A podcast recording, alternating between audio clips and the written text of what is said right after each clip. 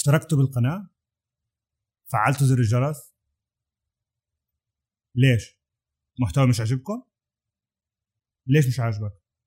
طبعا إنك سوري إنك فلسطيني إنك مسلم أسود منخارك كبير. شوف كيف شكل عيونك. طلع شعرك كيف؟ طلع أهلك تربيتك أصلك. فصلك شو مستغربين؟ ما سمعتوا الكلام هذا قبل هيك؟ أول مرة؟ فعلا؟ اطلع اطلع بالشارع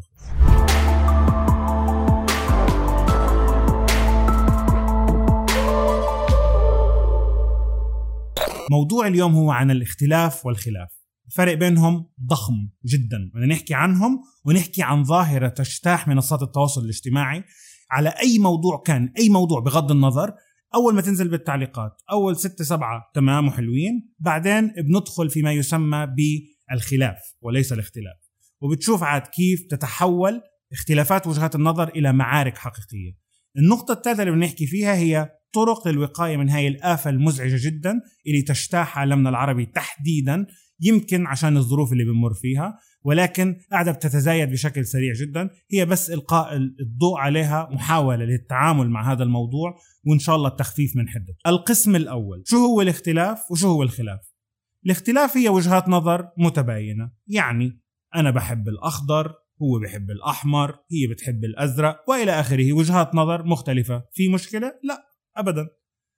الخلاف هو لما تصير وجهات النظر المختلفة تؤدي إلى منازعات وعراكات. يعني هو ما بحب الأخضر لأنه ما بيفهم وهي ما بتحب الأحمر لأنها ست. هيك تحولت من اختلاف إلى خلاف. الآن حابين نطلع على موضوع الاختلاف ونشوف شو فوائده قبل ما نعرف شو مدار الخلاف. فوائد الاختلاف كثيرة أحدها إنه لو الناس ما اختلفوا كان في بس أكلة واحدة في العالم. كان في بس سيارة واحدة بالعالم اللي الكل ركبها يعني كان كل الناس عندها نفس وجهة النظر. متخيلين قديش العالم ممكن يكون ممل بالصورة هاي؟ تخيلوا لو إحنا لسه عم نركب سيارة موديل 1922 لليوم كان هو بس تليفون واحد. كان بس في تيشيرت واحدة هاي غالبا. ما في غيرها. بس فقط لا غير. والباقي كله مش موجود. الاختلاف هو وجهات نظر مختلفة. هي طريقة لفعل الأشياء بطريقة مختلفة. وغالبا ما تكون رائعة. هاي اللي بتطلع الإبداع وال... والابتكار والاختراعات الرائعة الجميلة اللي موجودة حوالينا بكل مكان. هذا هو الاختلاف. الخلاف. الخلاف شو هو؟ الخلاف لما تدخل على أي من منصات التواصل الاجتماعي. وبتشوف وجهات نظر مختلفة حول أي موضوع سواء تليفون سواء ورقة خس مقطعة بطريقة معينة آه، سواء فيديو بيتكلم عن مشكلة اجتماعية. وبتنزل بالتعليقات وبتشوف بتبدأ تظهر وجهات النظر المختلفة. أول تعليقين ثلاثة بيكونوا بيردوا على بعض بالمنطق والحجة. إلى أن تختفي المنطق والحجة واحد منهم خلص معلوماته بيدخل عاد بما يسمى بقلة الأدب. خلينا نوضح نقطة. هلأ عشان إحنا عم نتخربط بالموضوع كمان الاختلاف منيح والخلاف مش منيح. الاختلاف هو وجهات نظر مختلفة. الاخت... مين المنيح ومين العاطل الاختلاف اللي بالألف بيبدأ بالألف. هذا بيبعث على الابتكار والإبداع والخلق والرسم والجمال وكل شيء ما هو جميل بيطلع من الاختلاف. الخلاف هو اللي بيتحول إلى منازعات ومشادات ومضاربات كلامية وجسدية وعرقية وبكل شيء ممكن تتخيله. فالاختلاف كويس الخلاف مش كويس. الآن في التواصل في فن اسمه فن المفاوضات أو فن حل المنازعات أو الخلافات اللي هو بيتكلم عن طريقة التعامل مع الاختلافات بطريقة إيجابية. فمثلا في نظرية اسمها نظرية الرجل العاشر. نظرية الرجل العاشر هاي شيء رائع جدا. هي نظرية بتتحدث على الآتي. إذا في طاولة عليها عشر أشخاص وطرحوا موضوع للنقاش واتفق الأول مع الثاني مع الثالث مع الرابع مع الخامس إلى التاسع العاشر مجبر على رفض الفكرة. هو مجبر على الاختلاف وليس الخلاف. ليش؟ عشان يطلعوا التسعة التانيين يطلعوا على الموضوع من منظور آخر يرجعوا يقلبوا الموضوع ما بينهم ويطلعوا عليه من طرف آخر. هاي النظرية تستخدم في الشركات الكبرى علشان المواضيع أو الاقتراحات اللي بيتقدموا فيها تكون درست من جميع الجوانب في مرحلة التصميم. وهي من أجمل المبادرات اللي آه، نستخدمها بشكل يومي بحيث إنه حتى الحلقات اللي بتحضروها دائما في رجل مجبر أو شخص مجبر إنه يعارض فكرة الحلقة. ويطلع عليها بمنظور آخر بحيث إنه نشوف إنه كيف ممكن تظهر للجمهور في النهاية. لو كلنا اتفقنا ما حيصير في عملية التفكير والعصف الذهني اللي تتحدى الفكرة الأصلية. وغالبا بنلاحظ إنه الرجل العاشر هذا أو الشخص العاشر بيلعب دور رهيب في تطوير المحتوى بحيث إنه يظهر لكم بالصورة اللي بتظهر قدامكم. هاي في باب الاختلاف. الآن الخلاف اللي عم نحضره وعم نشوفه اليوم بدنا نتعامل معاه بشكل كبير هو الخلاف اللي بيصير على منصات التواصل الاجتماعي. ادخل على أغلب الفيديوهات على أي منصة من منصات التواصل الاجتماعي. خذ 10 فيديوز واحضرهم وانزل بالتعليقات أو ما تحضرهم. انزل بالتعليقات وانزل ضلك نازل بالتعليقات. بس خذ محتوى تقيل يعني في عليه تعليقات كبيرة وانزل شوف تحت. شوف لي بتوصل لمرحلة بالتعليقات. بتوصل إنه التعليقات لا تتحدث عن الموضوع اللي فوق ابدا. الموضوع الأصلي التغى تماما. كان في اختلاف في وجهات النظر. شخص يتفق شخص يعارض. وبعدين بعد قليل يتحول الموضوع إلى حرب ما بين الأشخاص. لقينا ثلاثة محاور رئيسية بتركز عليها الحروب. اللون لون الأشخاص العرق من وين هم واللغة والدين. وفي متفرقات. اللي ظاهرة منهم بشكل كبير ما بعرف ليش هو حجم الأنف ما بعرف هو لقيناه مميز جدا في في الخلافات. دائما بيتكلموا عن حجم الأنف وكأنه مشكلة. فحبينا نطلع على الموضوع شوي. لهدول الناس اللي بيفكروا إنه مثلا إنه بيقول له يا أسود أنت هيك لأنه أنت أسود أو أنت هيك لأنه أنت مسلم أو أنت هيك لأنك مسيحي أو يهودي أو بوذي أو سيخي بغض النظر. أو لأنك سوري أو فلسطيني أو مصري لبناني كويتي ما خل... عراقي ما خلوا جنسية. يعني هل فعلا عندك القناعة إنه ال مليون نسمة اللي في مصر متفقين على نفس وجهة النظر؟ أو مثلا كل المسلمين عندهم وجهة النظر هاي اللي أنت معرضها أو كل المسيحية عندهم وجهة النظر اللي أنت معرضها أو فعليا هل أنت معتقد أنه مثلا كل الناس بيكونوا ماشيين بالشارع وبتطلعوا بيشوفوا واحد نفس لون البشرة بقول له تعال نعمل حزب مثلا. يعني حجم الأنف عفوا عمرك كنت ماشي بالشارع وشفت واحد قلت استنى؟ آه، تصدق نفس حجم الأنف. تعال نعمل حلف مع بعض ونكون لنا وجهات نظر متساوية. هل فعلا وصلنا لهذا المستوى من التفكير؟ فحاولنا نفهم أكثر ليش بتصير هاي التسميات أو التطبيعات. في مراجع تحت انزلوا اطلعوا عليها. وشوفوا حاولنا نفهم أكثر مفهوم ال الاختلاف وإمتى بتحول لخلاف. فوجدنا الآتي طول ما الحوار قائم على وجهات نظر وإنت تمام. يعني بطريقة علمية فلان بفضل آه، إنه اللحمة تتخزن بالفريزر مباشرة وواحد عنده وجهة نظر إنه لا الثلاجه أحسن. كلام جميل جدا.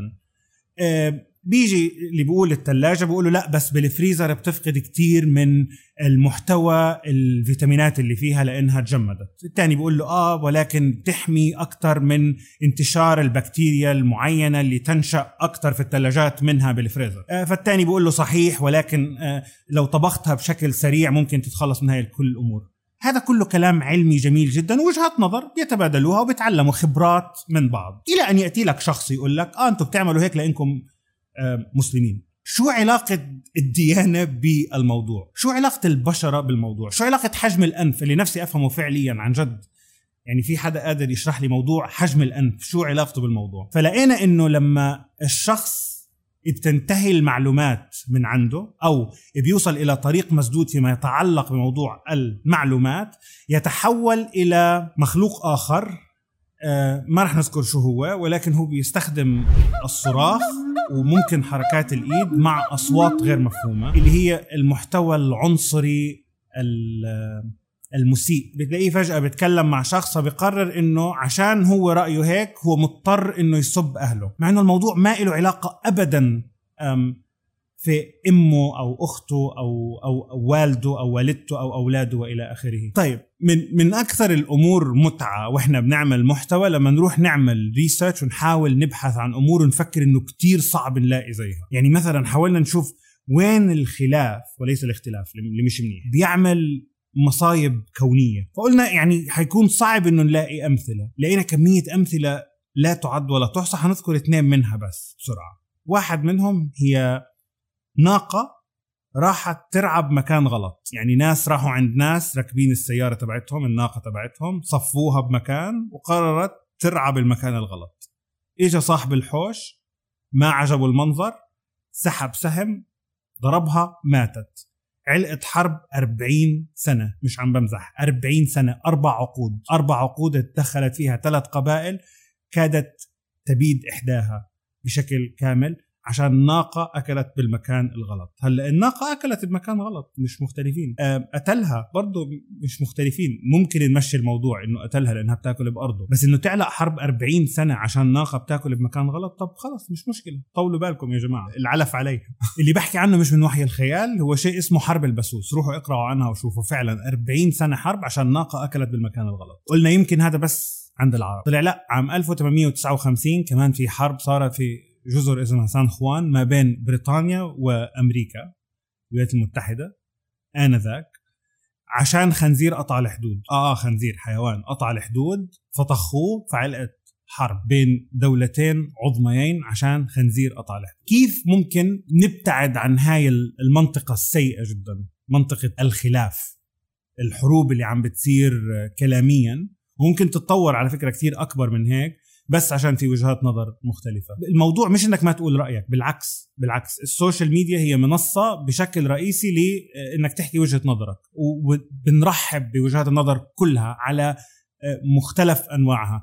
كل ما بنشوف في تعليقات أو وجهات نظر مختلفة صدقوني السعادة ما بقدر أوصف لكم إياها لما بنتعامل مع آه، التعليقات.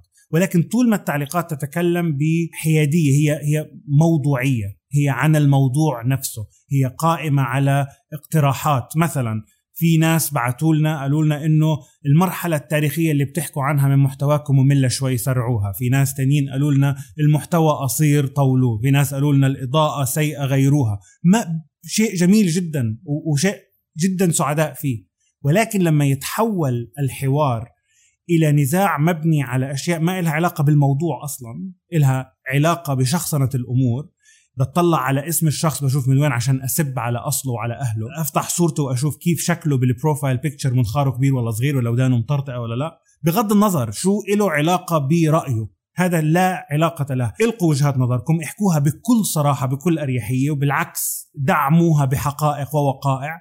وما فيها أي زعل بالعكس تستقبل بإيجابية مطلقة. لما تلاحظ أنه الشخص اللي قدامك دخل في معركة الشخصنة أو صار يتكلم عن الموضوع من أشياء ما لها علاقة بالواقع اطلاقا. هون وقتها الحل الوحيد هو ما في غيره. انسحب عشان ما تكون جزء من هذا الحوار العقيم المقرف اللي بدينا فيه حلقتنا. بالنهاية تذكروا شيء واحد. آدم وحواء إحنا أولادهم. يعني كلنا واحد. وجهات النظر قد تختلف ولكن لوننا وديننا وشعرنا وعرقنا وأهلنا ما لهم علاقة بالموضوع. بالنهاية كلنا أولاد آدم وحواء ولا هاي كمان عليها خلاف. نراكم.